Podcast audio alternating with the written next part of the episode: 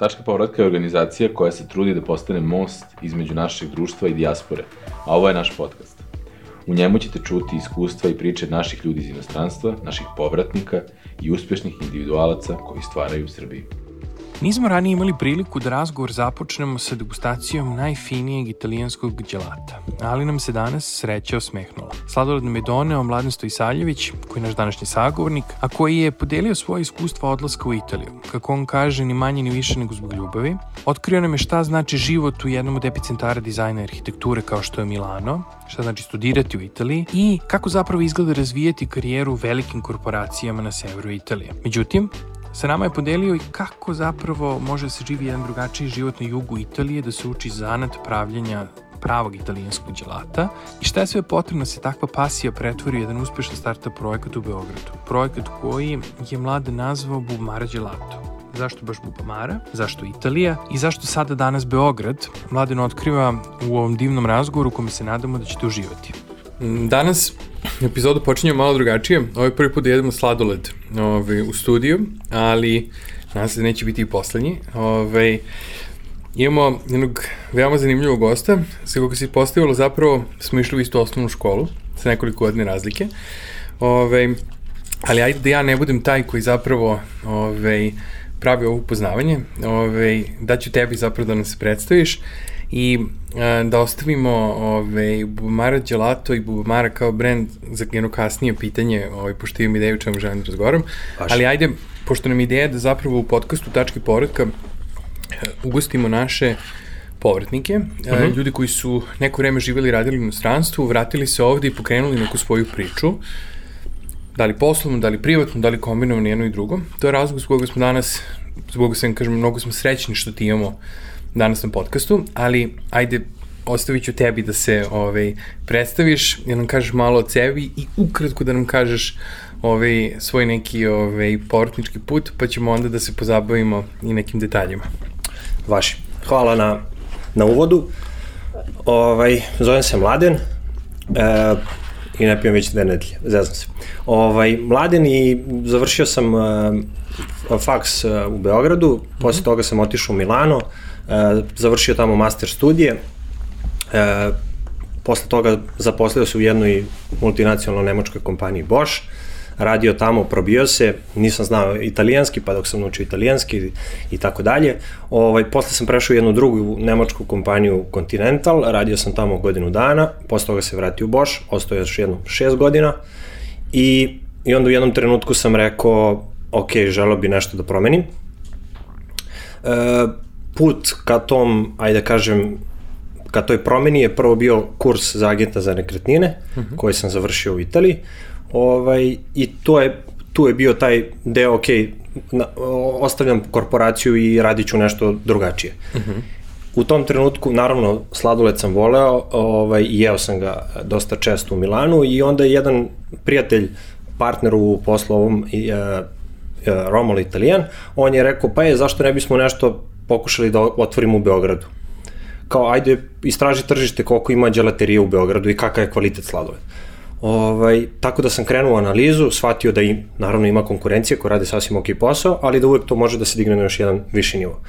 I onda sam odlučio kao, ok, važi sad fokus odjednom prelazi na, e, na sladoled i tako, jedno, dve, tri godine, on stvari, pola, godinu dana istraživanja, pa onda otkaz, pa onda put Južne Italije da se uči zanat, pa povratak u Beograd, pa opet. E, tu stani, što, tu stani da ne bude ono da je u traileru smo dali da, da. Ove, sve najbolje, ove, sve da, najbolje da, da. detalje.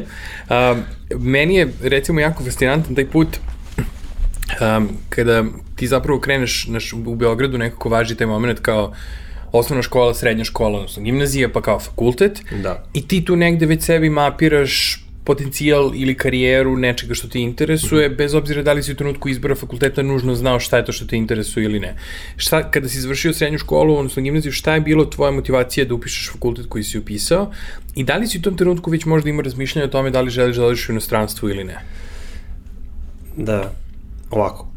St tu je stvar vrlo jednostavna. Na kraju krajeva, ja sam želeo da odem u inostranstvo i da završim master negde u Evropi, pošto dosta mm -hmm. mojih drugara je otišlo od Holandije do Nemačke i tako dalje, ali iskreno najveća, najveći razlog, najveći razlog zašto sam ja otišao zapravo u Milanu u Italiju, jest, je bila jedna devojka. Ovaj, o, Ali čekaj, šta si upisao kad si završio srednju školu? e, kad sam upisao, e, e, upisao sam univerzitet e, Singidunum, Dobro. uh, marketing i management i tu sam, tu sam već video, ok, tu sam već video da me marketing veoma zanima zato što smo imali jednog cool profesora pozdrav Danilo Golijaninu, koji je isto bio po Americi mnogo godina uh -huh. i on nam je marketing približio na jedan drugi način, u smislu ne samo knjiga, nego case study, ok, razmišljate svojom glavom, pogledajte šta, šta se radi u svetu, pogledajte šta radi Amazon, šta radi, šta radi druge velike kompanije. I posle toga sam rekao, ok, važi, interesuje me marketing, online marketing i kao žel, želeo bih da idem negde m, da naučim nešto više u Evropi, ajde da kažem tako ovaj, ali taj sud zapravo da li ću ja da idem u Kopenhagen ili ću da idem u Amsterdam ili pak u Milano eh, je presudila jedna devojka.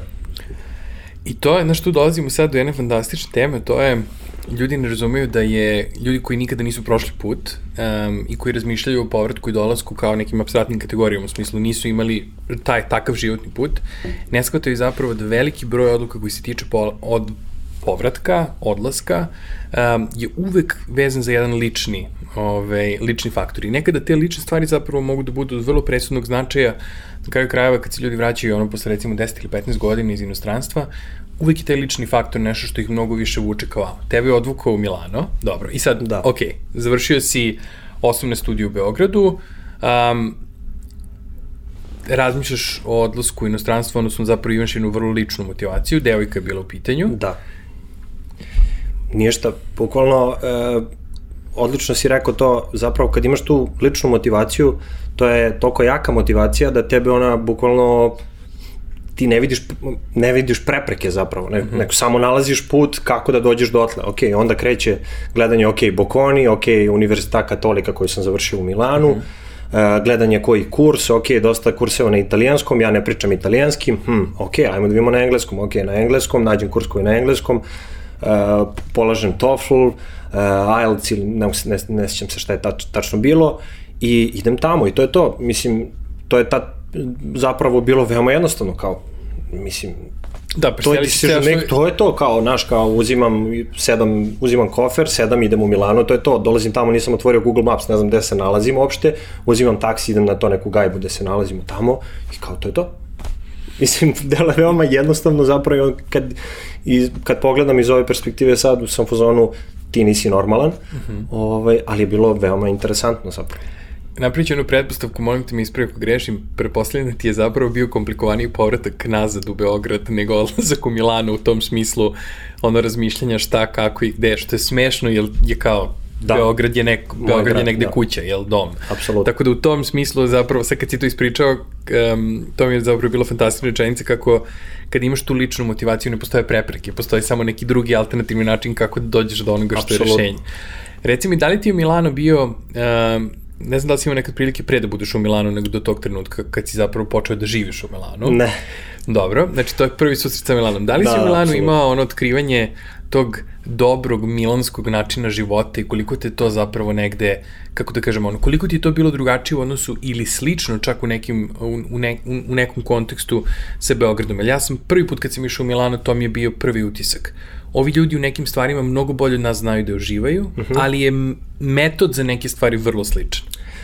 E, kao i svaki grad, mislim da je potrebno vreme da provedeš u njemu da bi shvatio te neke e, barove gde ne dolaze turisti, e, ta neka cool mesta gde ide da, gde, gde ne dolaze opet nemamo ništa apsolutno protiv turista, ali to su neka skrivena mesta koje daju draž tom gradu, ajde da kažem tako i Milanezi znaju baš dosta da uživaju ono, u životu. Onako su dosta su onako piki i mislim ti Milanezi predstavljaju manjinu u svom gradu zapravo. Mm. Ovaj, ali se svi poznaju međusobno, to je neka ekipa zatvorena ono i baš i teško ući uopšte u te ekipe, posebno neko ko je došao u potpunosti sa strane, ono, nema veze sa Italijom. Ali imam dve ekipe, ajde kažem tako, eh, dve grupe ljudi koji poznajem koji su iz Milana i mogu ti reći tu, tu su ono, nisam mogu ni da verujem kako su me prihvatili zapravo zato što su me prihvatili ono što ja zapravo jesam.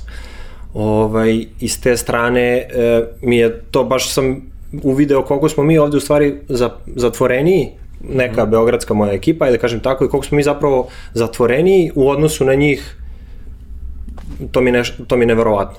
Ali da znaju doživaju, znaju doživaju, mislim, italijani kao italijani e, obožavaju hranu, samo se priča o hrani, znači tri teme koje možeš da pričaš uvek sa italijanima su hrana, futbal i žene, to je uvek tako. Tak, čak i devojke pričaju o devojkama, apsolutno. I rekao bih da to, njima je hedonizam sve ovaj, i uživanje u životu.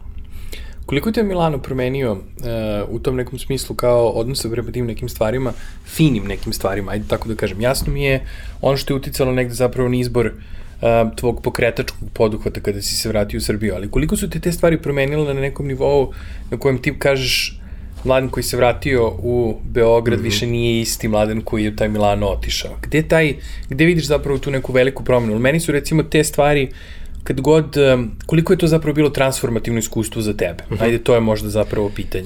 Ok, e, mislim da je to, ajde kažem, na više frontova je bilo mm -hmm. e, promena. E, ajde, najbanalnije oblačenje. E, ja kad sam otišao tamo, ja sam bio lik koji nisam volao da nosim košulje, i tako, mislim, meni je to bilo kao više sam bio underground verzija, kao nekog oblačenja. Znači košulja za slavu ili krštenje? Da, ili svadbu. Da, ili svadbu, manje. Da. Ovaj, I to, a tamo su, tamo ceo grad funkcioniše, znači kako nemaš košulju, ne, ne postojiš.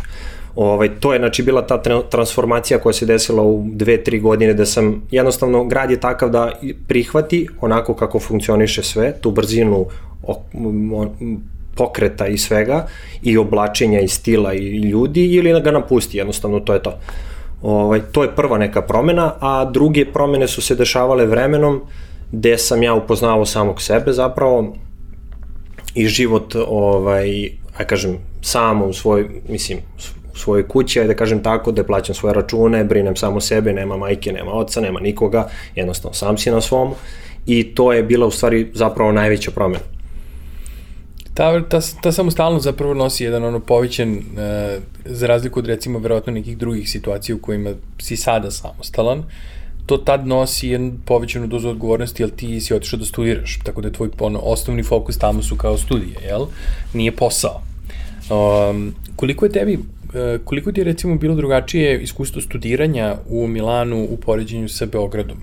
u tom nekom smislu, pored ovog životnog faktora naravno, ali da li si tu nekako uvideo neke sličnosti, neke razlike, šta ti je bilo teško, šta ti je bilo lako, gde si osjećao da si negde kliknuo kad je ta integracija u pitanju, a gde ti je, za, gde ti je bila borba?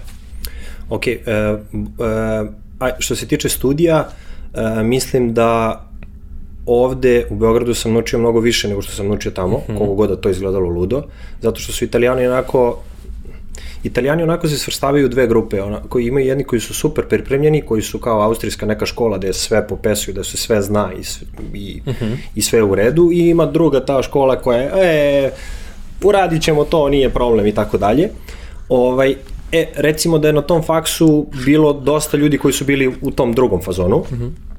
I zapravo to, ta, ta vrsta neorganizovanosti, ja to nisam vidio nigde, nikad. Uh, ovaj, ta još, to još nije bila era mobilnih ovaj, smartfonova i grupa i svega, svega toga, ali to, to su otkazivanje ispita u 11 uveče, menjanje, menjanje uh, učionica, ono, koje nije da je u istom kompleksu, nego treba da se ide 20 minuta u drugi deo grada, pošto je to veliki fakultet i tako dalje. Znači, potpuno neorganizovanost. Ovaj, s te strane, a s druge strane, ajde kažem, ne full integracija, ali e, počeo sam da se osjećam kao deo, ajde kažem, društva, kad sam koliko toliko e, shvatio jezik. Mislim, taj jezik je veoma, veoma bitna stavka. Jeste. Ovaj, gledaju te potpuno drugačije. Koliko god, italijani, na primjer, u odnosu na Nemce, eh, oni te nikad neće ispraviti kad pogrešiš. I to je s jedne strane dobro zato što imaš šansu da pričaš non stop i niko te neće prekidati, s druge strane je loše zato što nikad neće naučiti dobro. Ovaj, ali s te strane su dosta onako, tako i oni pričaju na kraju krava engleski, ono, i Ajde. znajte, ako odete u Italiju i učite italijanski, pogoršat će vam se engleski. Dobro, to je to, klasika. Milano je verovatno tu čak izuzetak u, u odnosu na ostatak Italije, on je zapravo jedan od onih organizovanijih gradova kada je mm -hmm. Italija u pitanju. Um, Preposledam si imao prilike da proputuješ Italiju dok si bio u Milanu i da, da vidiš, da, da. da napraviš to neko poređenje. Meni uvijek bio utisak da je Milano onako dosta organizovan kao grad barem za život i za ovaj, neko bistovanje u odnosu na gomilu drugih gradova gde kao, aha, pa danas ne rade vozovi. Znaš, to je kao moment u kojem to je toliko normalno da je potpuno bez veze što što pitaš tako nešto. Kako nema voza, ne radi. Ne, ne postoji da, da, da. moment zašto, kako. I zbog čega. Zbog da. čega. U Švajcarskoj bi bio kasni voz jedan minut, to je ve, to su već nacionalne vesti. Da, da, apsolutno. Ove, ovaj, A Milano je tu nekako i dalje po meni bio onako grad koji je onako, baš je dosta biznis orijentisan uh mhm. -huh. i taj moment kao biznis lunch od 12 do, do pola 2 koji super funkcioniše, svi restorani su puni, svi dođu na ručak. Absolutno. Taj moment je nekako meni uvijek bio, taj grad baš ima neki svoj dobar tempo i taj tempo onako ga, kako da kažemo, održava i lifestyle i biznis u jednom dobrom ovaj, pakovanju, uh, po, da. jednom dobrom pakovanju. Um, Slažem se. Koliko ti je promenio Milano percepciju za recimo ovaj dizajn i estetiku u smislu ovih tih nekih stvari u odnosu na to recimo šta ti je bila ideja o marketingu kada si odlazio tamo, mm -hmm. a mhm. šta je zapravo Italija promenila, možda i kasnije vezano za posao, ne nužno samo... Apsolutno, da. Milano, uh, mislim, italijani ne gledaju na umetnost kao na nešto wow. Mi je gledamo, oni, oni su rođeni tamo i oni su kako bih rekao, on se igra pored te neke crkve iz 12. veka i to je njemu sasvim normalno da je, da je te su te statue su tu, da su ti spomenici tu, da je, kako oni kažu, beleca, da je oko njih sve to i on, oni nema tu percepciju da ne, nečeg lepog, zato što je on naviko na lepo. Mhm. -huh. A mi kad odemo tamo, ti se zapanješ u stvari koliko zapravo tu ima tih malih detalja od kojima su oni razmišljali mislim, imamo moj čale koji nije u fazonu nešto kao da putuje i da ne znam šta, došao u Milanu, natero sam ga da dođe do Milanu i onda je on kao prvo je bio mrzovoljan i onda je došao i onda je kao gleda, gleda česmu i kao, wow, vidi kao kako su radili ovo, kao i sve su česme tako radili, da, mislim, to su neki neverovatni detalji koje to ono, aj kažem, stotinama i stotinama godinama koji su oni gradili. Što se tiče, e, ajde kažem, deo dizaj, dela dizajna, Milano je stvarno jedan od, e, mislim, sve što se dizajnira tamo, da znači, od, ne znam, od lampe, ako je dizajnirano ovde, ima jednu određenu vrednost, u Milanu ima puta pet. Mm -hmm. Apsolutno. I najbolji deo, uh, jedan od pored Fashion Weeka, ajde kažem, drugi najbolji deo u godini kada bi trebao čovjek da ode u Milanu jeste salon nameštaja. Mm. Ove, jedne godine je za nameštaj, druge godine je za svetlost, o, odnosno osvetljenje. I to je neviđeno. Mislim, neviđeno je koliko tu zapravo ozbiljnih firmi dolaze da izlaže što se tiče na, na sajmu, a sad su u posljednjih, hajde kažem, 7-8 godina, pošto nemaju više kapaciteta na sajmu da prime toliki broj ljudi, toliko broj kreativaca i stvaralaca iz celog sveta, oni su bukvalno počeli da proširuju po gradu i onda tako ima Via Tortona, e, ne znam sad, Brera i tako dalje, znači sve su te neke ulice koje uzimaju kao da budu mali štandovi otprilike za manje iz, izvođače, izlagače, izvinjam se. Ovaj, I to je neverovatno, to je stvarno super, ono, stvarno kreative, koliko, od, ne znam, od uh, custom uh, bajsova do ne znam čega, ono. Da, oni su to, oni su to izvili na jedan nivo potpuno životne filozofije koji Absolut. prevazilazi, prevazilazi funkcionalnosti lepo, nego odlazi na jedan potpuno novi, ono, meta Absolut. nivo. Da, da, i to je sasvim normalno. Mislim, to se diskutuje o tome, neko bi sa strane došao rekao, prilike ste vi ludi, o čemu vi diskutujete od, zapravo, ali to je njima sasvim okej. Okay. I šta više, ako im kažeš, to oni će biti fazon, ok, ti nisi normalno, ili ti ne poznaš, kao, ti ne znaš. Ali Milano živi od dizajna, mislim, to je, to je on, oni su napravili, napravili su se kao epicentar jednog globalnog, ono, globalnog brenda za dizajn, kako u modi, tako i da, da, u, zapravo da, da. nizu drugih različitih delatnosti namešta i, i dizajn interijera su verovatno jedna od ono najpoznatijih globalno najprepoznatljivijih brendova kada je Milano u pitanju, tako da u tom smislu potpunosti ima...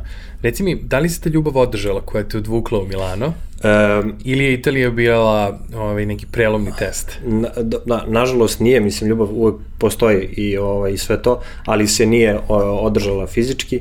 Ovaj, Tako da je to to. Do, mislim, što je bila super lekcija posle za mene, zato što sam ostao sam, malo problematičan period i ti, recimo, italijani, ovaj, družio sam se najviše s italijanima i u tom istom mhm. periodu je dosta tih mojih drugara italijana otišlo dalje u svet i onda je to bio baš super test ono za mene da ostajem bukvalno jednom sam u gradu ono no, de, ljudi koji su činili 99% mog vremena jednom su otišli i tad je ono postalo imao sam dosta vremena za razmišljanje, ja kažem tako. Da li to možda bio trenutak kada je neka nostalgija za Beogradom e, ili za Srbijom bila izraženija ili jača? Mislim, da li, da li si osetio ili da li si toga možda sećaš? Možda i ne, ali da li ti je to mhm. nekad bilo baš u tom trenutku, tipa kada nisi mm -hmm. prosto okruženo više svojom ekipom? Ovaj, pa, iskreno ne mogu da se setim, ja, e, što se tiče Beograda, ja sam gledao stvarno da dolazim što češće u Beograd, mm -hmm. super su bile ne, povezane, imali su neke, ono, super linija iz Jet dok je postoje Malpensa Beograd, ovaj, i stvarno sam dolazio dosta često u BG. Ali, ovaj, e, taj trenutak je više bio trenutak hoćeš da izdržiš, da, ono, ajde kažem, podigneš sebe na neki malo viši nivo, ili ćeš kao da odustaneš od svega i da se vratiš ono u comfort zone. Ovaj, I onda sam odlučio ne, ostaću i, i jednostavno ću izdržati taj pro, kažem, ne problem, ali taj, to, ta perioda gde ne ide sve po, kako, kako treba da ide. Ovaj, tako da iskreno nisam imao nek... M, nostalgija me uvek vukla, ali nikad posebno eto, to sam isto jedna od stvari koje sam naučio od tih Milaneze, jeste da oni su onako dosta kalkulisano gledaju kroz stvari, posebno kad je biznis u pitanju. Mm -hmm. ovaj, nijedna stvar se, mislim, ne mislim da su samo Milanezi, naravno, verovatno su i, i Nemci ostali veoma kalkulisani. Ovaj, jednostavno ne radiš neke korake ako nemaš neki backup. Mm -hmm. Sad, najmanji je problem, ono, ostaviti sve i vratiti se nazad u BG, ali to nije to, to nije rešenje. Dobro, znači onda sad kreće, kreće jedan izazovan period. Da li, je, da, da. da li si pronašao utehu uslovno rečeno u poslu, u smislu da li ti je kao, da li te to mm -hmm. onda konzumiralo vremenski I kako zapravo shvataš da ne želiš da budeš točkić u korporaciji? To mi isto jako interesuje. Ja sam im mm -hmm. isto u jednom trenutku imao to razmišljanje da. koje sam duša imao u Beogradu, mm -hmm. kad sam shvatio da ne želim da budem deo velikog sistema, nego da pokušam nešto sam da stvorim. Kako si došao do toga? Mislim, šta se desilo sve Pa mislim da je to splet ono raznih stvari mm -hmm. tokom tih godina ovaj, provedenih tamo, da jednostavno, mislim, ajde, pored te stvari gde, gde shvataš, ok, nešto se dešava, nešto se menja na mikronivou, u smislu, ok, ja gledam taj Excel, gledam te sad Mislim, radio sam u marketing departmentu u Boschu, a u nemačkim firmama kad se kaže marketing department, zapravo se razmišlja o pricingu. Misli se o pricingu i gledaš Excel po ceo dan i gledaš cene i bla, bla, bla, bla. Ovaj, I onda kao da, vidi se nešto da ti ako promeniš nešto, nešto će se tamo promeniti za tri meseca, će se skoči prodaja za ne znam šta.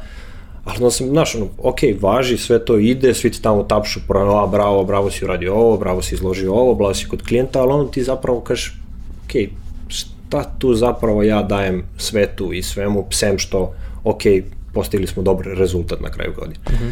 I više taj novac onda ne postaje ni nikakva satisfakcija zapravo, znači, ok, dobijaš taj novac, ok, živiš sa neki normalan život i ostalo, ali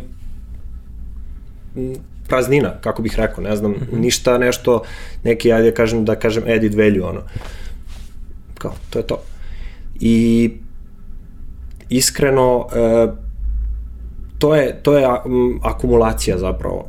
Akumulacija, ono, višegodišnja akumulacija gde kažeš, ok, važi. E, dobro, akumulacija plus neki trenutak, mm -hmm. pošto mislim da je veoma bitan u životu pravi trenutak. Naravno. Ovaj, I ja sam bio u fazonu, ok, ovo je pravi trenutak. Izvini, malo što te prekidam, koliko si samo godina bio u Italiji u trenutku kada se ovo previranje dešava? E, to je bila recimo peta godina u Italiji. Jasno. Peta godina i onda nakon toga sam ostao još skoro tri.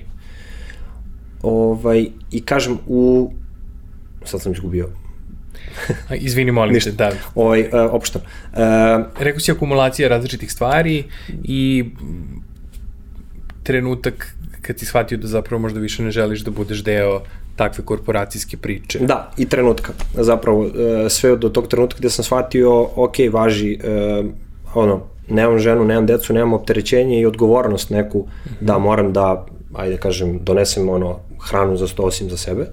Ovaj, I kao, ajde, sada je pravi trenutak da pokušaš nešto. Mislim da se vratim u neke korporacijske vode da sa tim mindsetom mislim da nije nikak, mislim, neću kažem da nije nikakav problem, ali mislim da ne bih imao mnogo problema. Ovaj, ali rekao, ok, pravi trenutak da se pokuša nešto drugačije. I to je to. I, dobro, ok, i kako, ok, sad do, kako se dešava taj shift, znači sad razmišljaš, sad počinješ da ono, razmišljaš potencijalu zapravo za razvijenje nečeg svog, uh mhm. -huh. kako se, ono, ko, šta se tu dešava, mislim, ne mora da bude nikakva magija, ono, da, li da, li, da li si imao ideju da želiš da otvoriš neki biznis ili si razmišljao o povratku u Srbiju pa se onda to kasnije iskristalisalo u neki biznis, uh mhm. -huh. šta je bilo prvo, mislim, ono, prvo je bila e, zapravo ta priča e, da želim nešto da promenim. Ok, uh -huh. i bukvalno nisam, nisam znao šta želim, ali sam znao šta ne želim. A, to nis... je, I to je odlična polazna tačka. I bio sam u fazonu, ok, ajde da krenemo od toga šta ne želim. Ne želim više da budem tu. Ok, da bih ostao u Milanu, a uh -huh. pošto sam tada isto još uvek želeo da ostanem u Milanu, ok, da bih ostao u Milanu, potreban mi je posao, jednostavno. Ok, E, tu sam imao jednog drugara, prijatelja koji ima jednu agenciju u Rimu, koji se bavi uh, agencijski posao za pronalaženje stanova za vis, recimo iz Facebooka direktorka dolazi u Italiju, oni su povezani s tom agencijom na globalnom nivou i oni im traže, traže kuću za tog direktora Facebooka recimo. I on je bio, ajde, bio ono, ajde, ako treba nam jedan čovek, ajde ako želiš, ovaj, završi kurs za agenta za nekretnine i da, i da krenemo s tim. I meni je to bilo kao, ajde, zašto da ne? Sad, jedina zaznuta stvar je tu je bila zato što je trebalo se osluša 240 sati lekcija i da se polaže taj ispit. Znači, onda bih ja išao na posao svaki dan od 9 do 6 i onda u 6.00 moram da izađem odatle i kasnim 15 minuta da bi se odvezao do drugog dela grada i onda od 6 do 10 sam na tom času. I tako recimo 3 meseca ili 6 meseca. Ne, stvari, 3 po meseca recimo. Italijani su veoma zeznuti zato što tamo niko na poslu ne ostaje do 6. Znači, to je normalno da se ostane do 7 i to je anomalija, ajde kažem, Milana, gde je posebno ako šef ostaje duže u ofisu i ti ostaješ duže u ofisu. Mm -hmm. Makar ja čito blic i igrao mine, ono, ti moraš da ostaneš u ofisu zato što ti jednostavno svi gledaju. I onda sam ja imao ta tri meseca da sam ja odla, izlazio u 6.00 svaki put i te su me oni svi gledali u fazonu, ok, nešto se dešava. Pritom sve ide, posao ide normalno, sve ide dešava, ali nešto se dešava, zašto on izlazi u 6? Ovaj, tako da je to bio veoma, veoma intenzivan ono, deo, ajde kažem, života da se sve to izgura do kraja. I onda sam ništa, završio se taj kurs, kao ćemo da krenemo sa tim, u istom trenutku se dešava da se otvara nešto drugo, za tu sladoležnicu, ja krećem da, razmisla, razmišljam o tome, sladoled, ok, sviđa mi se sladoled, da li bi to bilo interesantno, zašto da ne, i to je taj trenutak o kojem se ti pričao, ono jednostavno kad su se sklopile sve kockice i kao, ma daj, ajmo idemo all in ovo. Um, sad dolazimo do toga, znači dolazimo do sladoleda i sad tu ima jedna zapravo jako zanimljiva stvar, pošto je meni bilo jako interesantno. Um, pokušao sam da pokušao sam da shvatim svaki put kada prođem pored uh, uh, Buvamare, pokušao sam da shvatim šta stoji iza imena. Aha. I onda sam krenuo, aha, okej, okay. onda sam, moj neki čak research išao do toga, pošto su to recimo stvari koje su meni zabavne, uh, da pogledam kao, kako se kaže Buvamara na italijanskom, pa da li Buvamara ima neki značaj za sladoled. Znaš, ono kao, pokušao sam da shvatim taj, ovaj, neki catch, uopšte nisam uspeo ništa da ovaj, pronađem. I evo sad u neformalnom razgovoru, pre nego što smo krenuli da snimamo, ovaj, otkrili smo jednu fantastičnu stvar, to je da um, u osnovnoj školi um, si bio si gamer, ne profesionalno, ali pasionirano. Da, jel? poluprofesionalno. Je poluprofesionalno, da. dobro, izvini. Um, koji ti je bio nickname? Da. Pa da, zapravo, znači, to se dešava u četvrtom razredu kad ja krećem da igram malo ozbiljnije igrice. Uh mhm. -huh. ovaj, I meni jedan, jedan od prvih, da kažem, nickname-ova e, mi je bio Bubamara. Ovaj, I od toga je ostalo tu, ja kažem, iz kraja, da su svi krenuli da me, da me zovu Buba, Buba, Buba i dosta ljudi me zove Buba. Ovaj, a to Bubamara se nekako održalo. I baš kad sam sa mojim partnerom italijanom, e, krenuli smo od toga kao šta, šta ćemo se, kako ćemo da se, kako će se zove ovo djelaterija i onda smo krenuli, imali smo jedno kao, aj, ajde da se zove dat zero, odnosno od nule, pošto mi počinjemo od nule, ne znamo apsolutno ništa i sam moramo da naučimo ceo svet, ono, otprilike stvari koliko tu zapravo ima. Kao može, ali kao nije nešto, kao buba, kao ja njemu kažem, ajde bubomara, kao šta, bubomara, šta znači bubomara, ja mu kažem, kočinela, odnosno bubomara mm -hmm. na, na italijanskom. I ja rekao, ok, sem što je Buvamara super, mislim, može se odradi marketinški u smislu za klince i Buvamara donosi sreću i sve to. Imala je taj lični karakter i da on kad je to čuo, onda je on krenuo da se smeje i kao, ma Buvamara, ima da bude Buvamara. Fantazija. Ok, važi. Tako da kao gamersko ime iz osnovne škole koje se održalo da. zapravo kao ono alias, jel, u neku ruku. Da, da, apsolutno. Postalo je ime ove, djelaterije koju otvaraš u Beogradu. Kako, je, kako izgleda taj put učenja zanata? Od toga kako se pravi sladoled ili mislim, pretpostavljam da je to jedna od onih stvari koje ono, bi mogla da se snimi dobrom kamerom sa super, ovaj, sa divnim kadrovima Južne Italije. Apsolutno. Kako Da. ti je to izgledalo? Mislim, ja u mojoj glavi to uvijek izgleda onako vrlo romansirano. Meni kad god neko kaže da nešto radi u Južnoj Italiji, ja sam uzmano, aha, staviš dobru muziku i slow motion kadar i, I to izgleda... to. Da, ovaj, da, zapravo je bio baš super taj uh, put. Uh -huh. uh, ja sam iskombinovao, znači imao sam otkazni rok od mesec dana, ostalo mi je jedno tri nedelje odmora. Taj moj partner uh, ima kuću u jednom malom mestu ispod Salerna, ispod uh, zove se uh, Castella Bate se zove u stvari to neko brdo, gde je snimano, ima jedan gotivan film uh, setit ću se kako se zove. Dobro. Ovaj, I to je jedno malo mesto od bukvalno pet, 500 ljudi i on ima kuću u tom mestu i tu ima jedan Marko, mislim taj čovjek Marko, koji je dželatajevi, koji ima svoju dželateriju tamo već 40 godina. I, I oni se znaju od kad je moj partner imao fazon 15 godina. I kao, nazvao ga je kao Marko, želeli bismo da krenemo sa nečim novim u Beogradu. Kao, da li možeš da objasniš mom partneru bar prve, po, br, prve korake. Kao naravno, i ja uzimam taj odmor od te tri nedelje i to je recimo septembar neki mesec i prelepo, mislim, plus što je septembar, plus nema turista, par nekih turista, ono, priroda nenormalna i baš tog septem, u tim danima u septembarskim ono je bilo super, super temperatura, ono preko 25 stepeni. Mm -hmm. Tako da to je to, svaki dan idem kod njega tamo, on mi pokazuje bukvalno e, dosta sličan mentalitet našem, mm -hmm. u smislu gledaju te kao člana porodice, dođeš yes. da jedeš kod nas, dođeš ovo, ako osete tu energiju između. I super je, super je stvarno bilo kod njega dole, ono, Marko je stvarno neverovatan lik.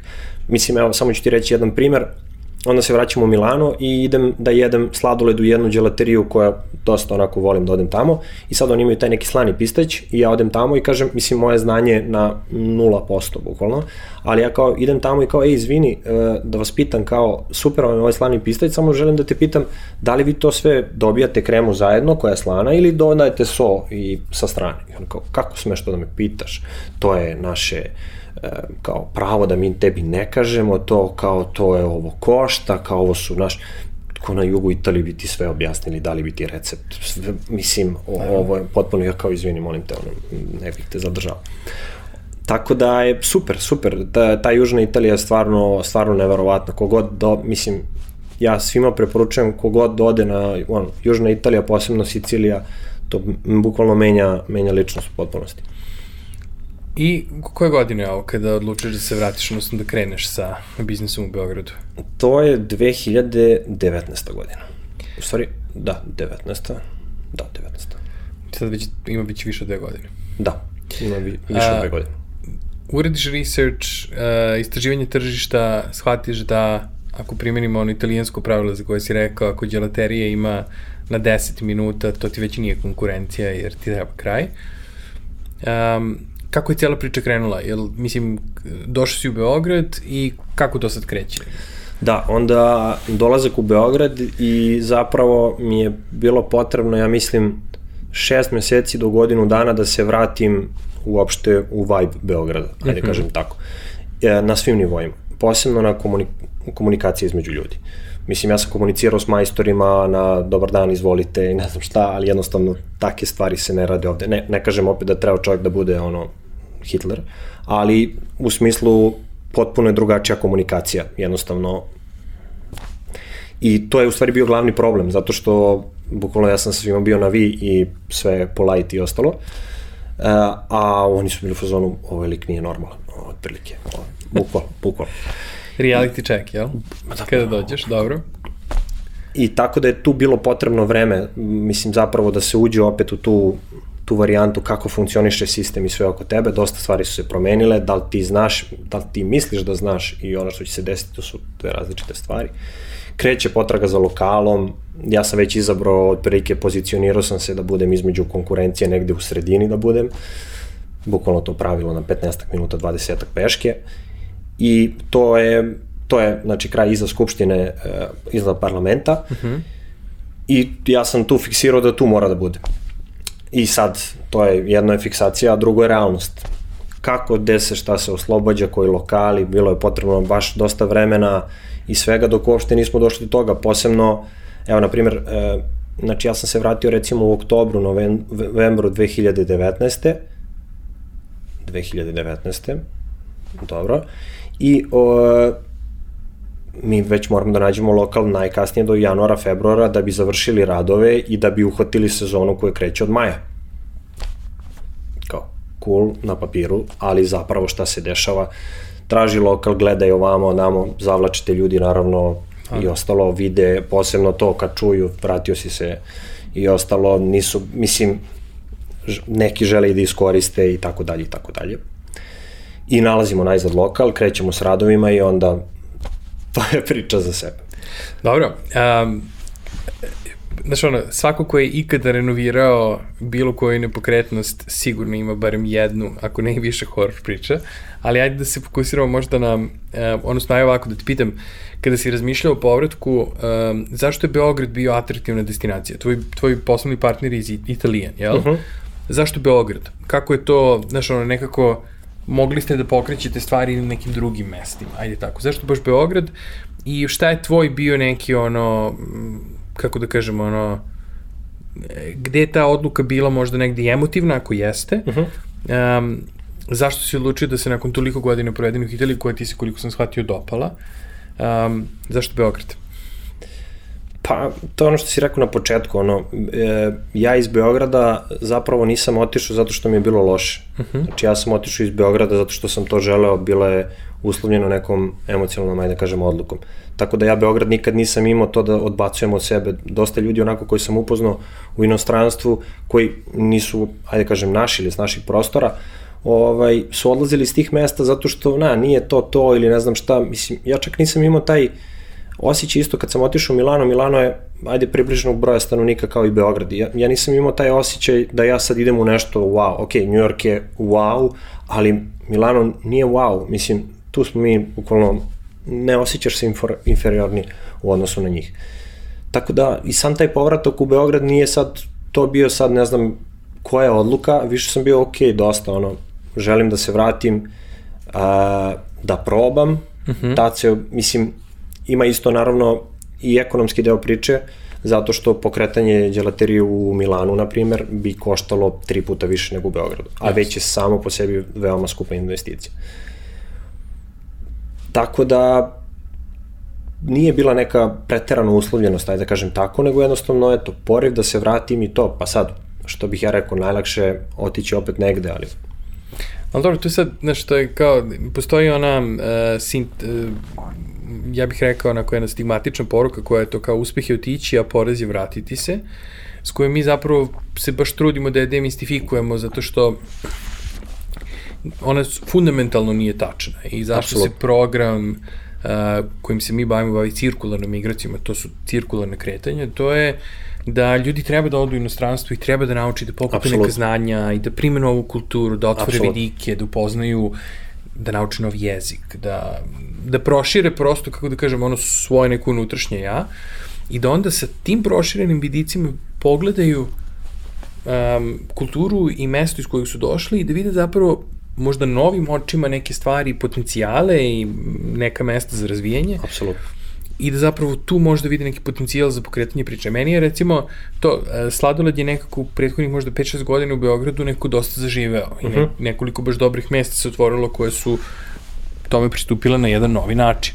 Apsolutno. Međutim, nema klasične djelaterije italijanske u gradu, dok se Bubamara nije otvorila baš u tom klasičnom djelaterije smislu. Tako da meni je recimo to dosta podsjećalo, mene Bubamara dosta podsjeća na Italiju. Iako me podsjeća na taj jedan tradicionalniji pristup gelato, odnosno sladoledu u odnosu na ovaj neki novi wave koji je imalo možda eksperimentalniji. Slažem se. I ja svaki put kada, kada jedem sladoled, uvek imam ono, flashback na Italiju, to mi je, Super. i, što mislim da je zapravo negde, ja pretpostavljam da je negde i vama to bila, Bukvalno. ako vam to nije bila ideja, to ste preneli svakako kroz, Sve si kroz koncept. Bukvalno nam je bila apsolutno ideja i jedan od, ajde kažem, postulata našeg, ono, naše, našeg preduzeća da. ovaj, jeste da želimo da, da donesemo taj ukus iz Italije, da ljudi koji su putovali i koji su probali negde nešto u inostranstvu koje je visoko kvaliteta, da mogu to isto da, da probaju u Beogradu i da ih se sete nečega što su probali tamo.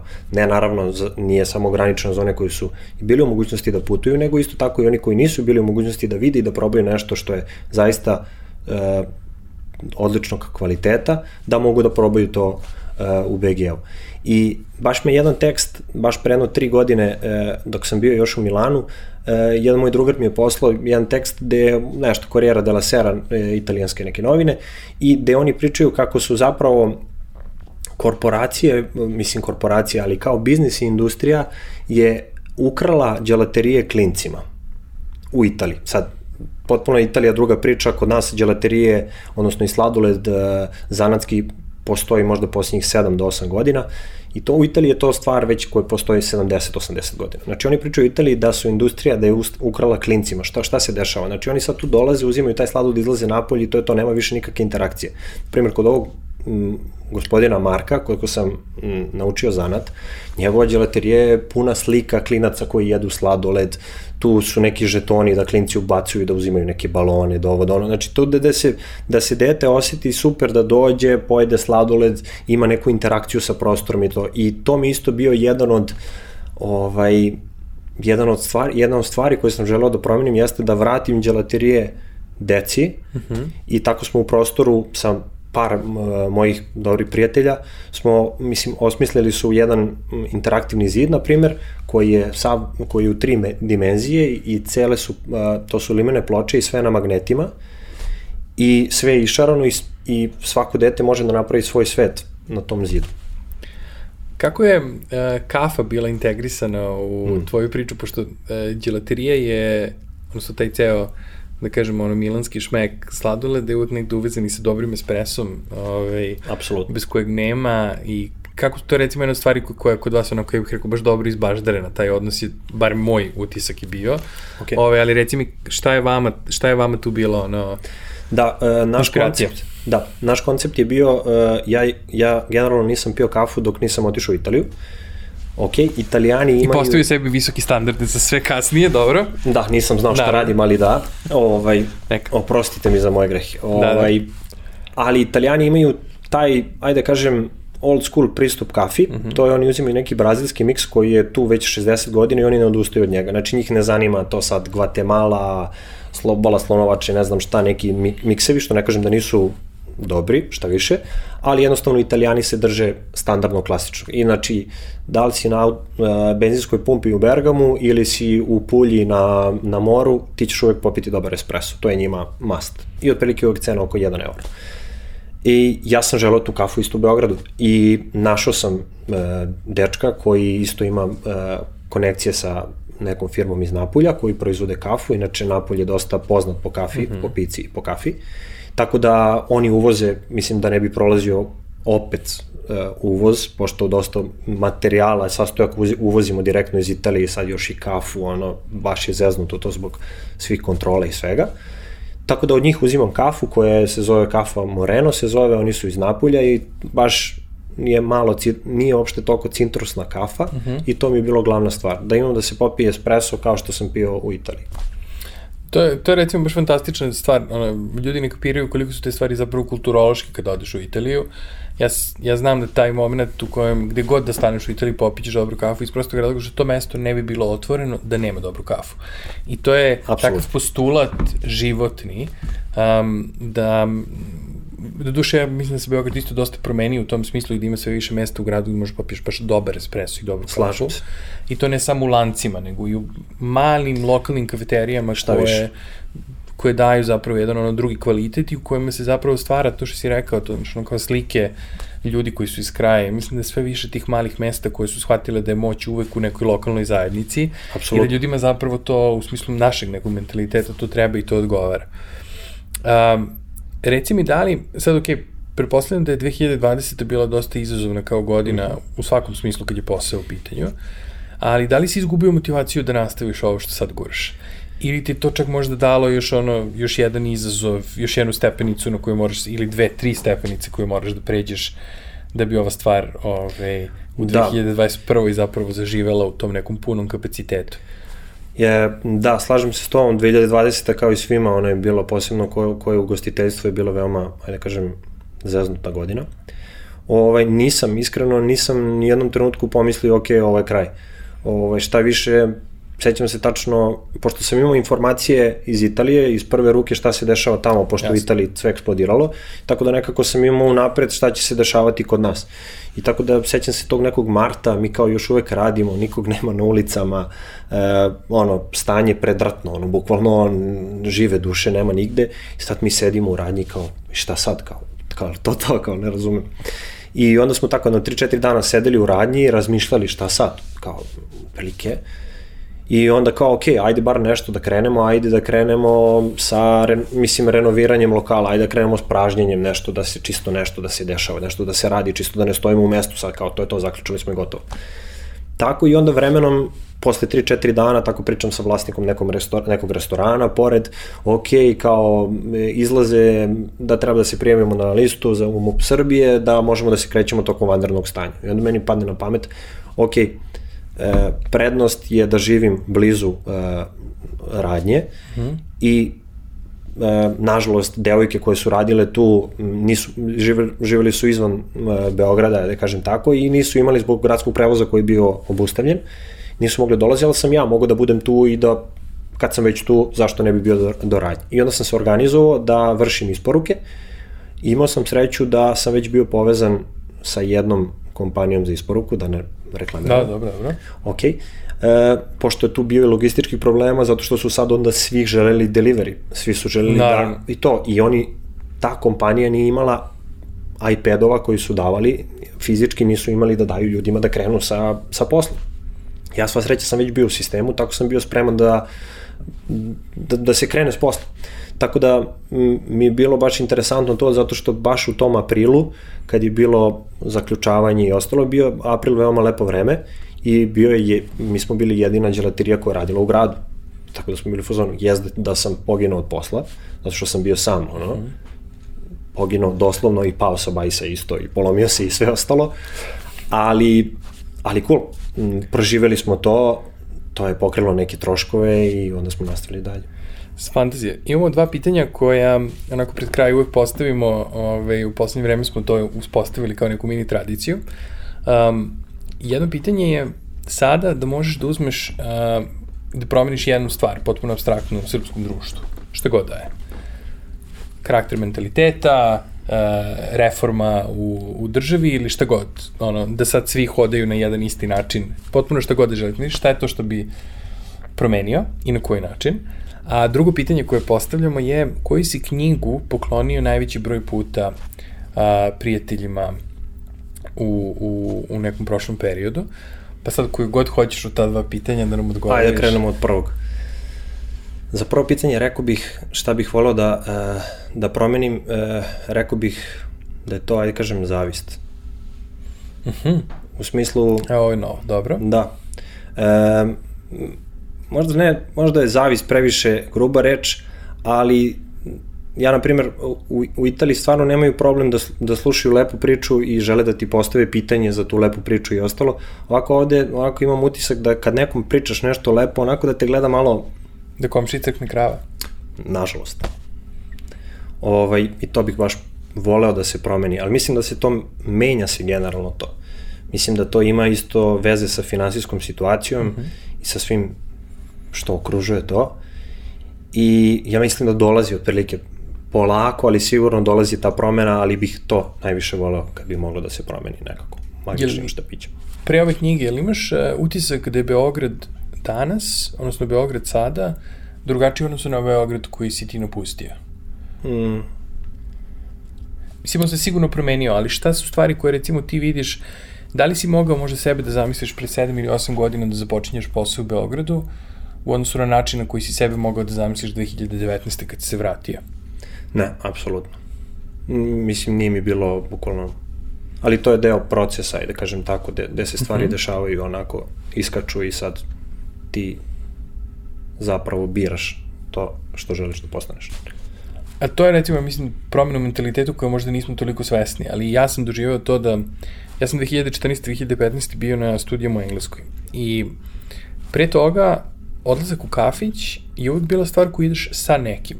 Odlazak sam u kafić da sedneš da popiješ kafu je bila socijalno vrlo, bila jako čudna. Da, da. Um, ja to znam jer sam ja imao nekada potrebu da odem možda sam na kafu, ali da sam zapravo ja u glavi sad smišljao razloge zbog kojih ja idem sam na kafu i shvatio da mi je zapravo lakše da samo ako neko neće na kafu, da ja ne odem na kafu.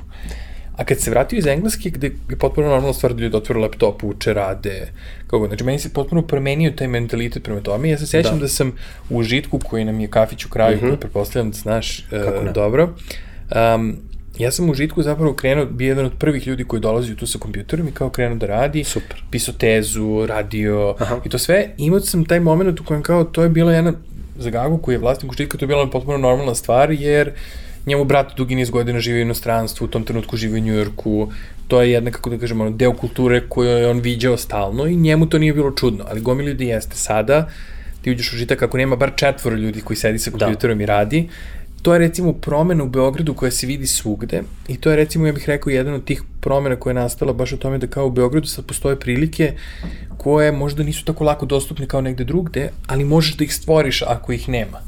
Ne znam da li je to i tvoj utisak. I jeste, jeste, apsolutno. E, evo, daću ti jedan primer.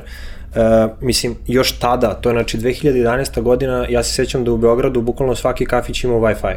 Ja sam mhm. otišao u Milano, u Milanu oni, pošto italijani vole uvek da zakomplikuju apsolutno sve, znači tamo je svaki 15. kafić imao Wi-Fi. Znači mi smo išli od kafića do kafića, pošto tad je Skype još uvek bio pa da se čuješ sa svojim i tako dalje to. Ne možda nađeš internet nigde. Znači sada je to postalo još više otišlo, ajde kažem, još više se razvilo to i stvarno u Beogradu ima mnogo mesta gde može da se sedne i da ima super internet i super, ajde kažem, taj vibe gde nema nešto, čak ima jedan website, ne mogu da se setim kako se zove, koji zapravo uzima sve kafiće koji su friendly u smislu da može neko... A, laptop friendly možda čak. Tako Dobro. nešto i to radi neka naša ekipa ljudi ovaj, I u Beogradu ima taj spisak od jednog 30-40 barova gde je super internet, gde muzika nije glasna, gde ima još i deo gde može da se stane ako su lupam, ako si na sastancima ili tako nešto, tako da mislim da je to baš, baš super priča. Ono. Knjiga. Knjiga Don Miguel Ruiz, uh mhm. -huh. četiri sporazuma. Postala je, ajde kažem, veoma popularna psihologija u poslednjih ne znam koliko godina. Uh, ali to mislim da sam poklonio što mojim prijateljima bližim, e, što našim, što italijanima, našao sam i italijanskom prevod, jedna popularna psihologija onako veoma jednostavno rečeno, a veoma, veoma može da utiče na to, na razmišljanje i da se zapita čovjek onako otprilike. Da li vidiš sebe uh, u budućnosti da ostaješ u Beogradu? Sada da. Sada da, super. Sad. Naravno, to je, naš ideja cirkularne migracije za nas je između ostalog i ta da svaki put može se desi da odeš i da se vratiš, um, da ne zapostavljaš konekcije koje imaš i da kultivišemo taj moment da je potpuno normalno da ljudi odu i potpuno normalno da se ljudi vrate u bilo kom trenutku u kom Absolutno. to žele. Posebno uh, u ovom svetu gde je sve... Posebno danas. Posebno danas. Ovaj, um, hvala ti na fantastičnom sladoledu. Uh, i što si nas zapravo onako fantastično ugostio i ti danas i izneo taj jedan deo ovaj, uh, tvog biznisa koji je onako zapravo i pasija uh, i podelio to sa nama danas. I mnogo ti hvala što si podelio sa, sa nam povratničku priču koja je ja se nadam da će za veliki broj ljudi koji budu slušali da budu isto inspirativni i da shvatimo da zapravo um, u, u Srbiji nije samo IT. Ima jako mnogo dobrih stvari koje se ovde razvijaju, a kultura za ove neke male, fine stvari u kojima se lepo uživa, a sladoled dobra kafa su sigurno jedna od tih stvari. Ima jako mnogo, pa se ja nadam da će ovo biti dobra inspiracija za sve neke druge ljude. A za sve ljude koji su prolazu u Kosovskoj, Bubamara, Đelaterija, gospodin će vas dočekati, tako da hvala ti mnogo, mladine. Nema na čemu i dodao bi samo još jednu stvar. Uh mhm. -huh. Kad smo tu, uh, stvarno, uh, što se tiče tih malih biznisa i to da nije sve u IT-u, uh, ja bih rekao da kad pričam sad sa ugostiteljima, raznim ugostiteljima, stvarno ima toliko prostora da se digne nivo usluge, uh mhm. -huh. u, o stvari usluga da ne pričam o usluzi, o proizvodu samo, da se, da se, da se, da se proizvod digne na neki viši nivo, stvarno ima mnogo prostora, a usluga je još jedan plus, tako da uopšte bih rekao ljudima da, da nemaju straha znači da je samo dovoljno dići jedan nivo proizvoda i to će biti sasvim dovoljno da se uspe. Super, hvala ti mnogo, hvala ti na vremenu i hvala što si po ovom kišnom danu ovaj, doneo malo južnog sunca sa Italije kroz, kroz ovaj gelato. Hvala ti. Hvala tebi.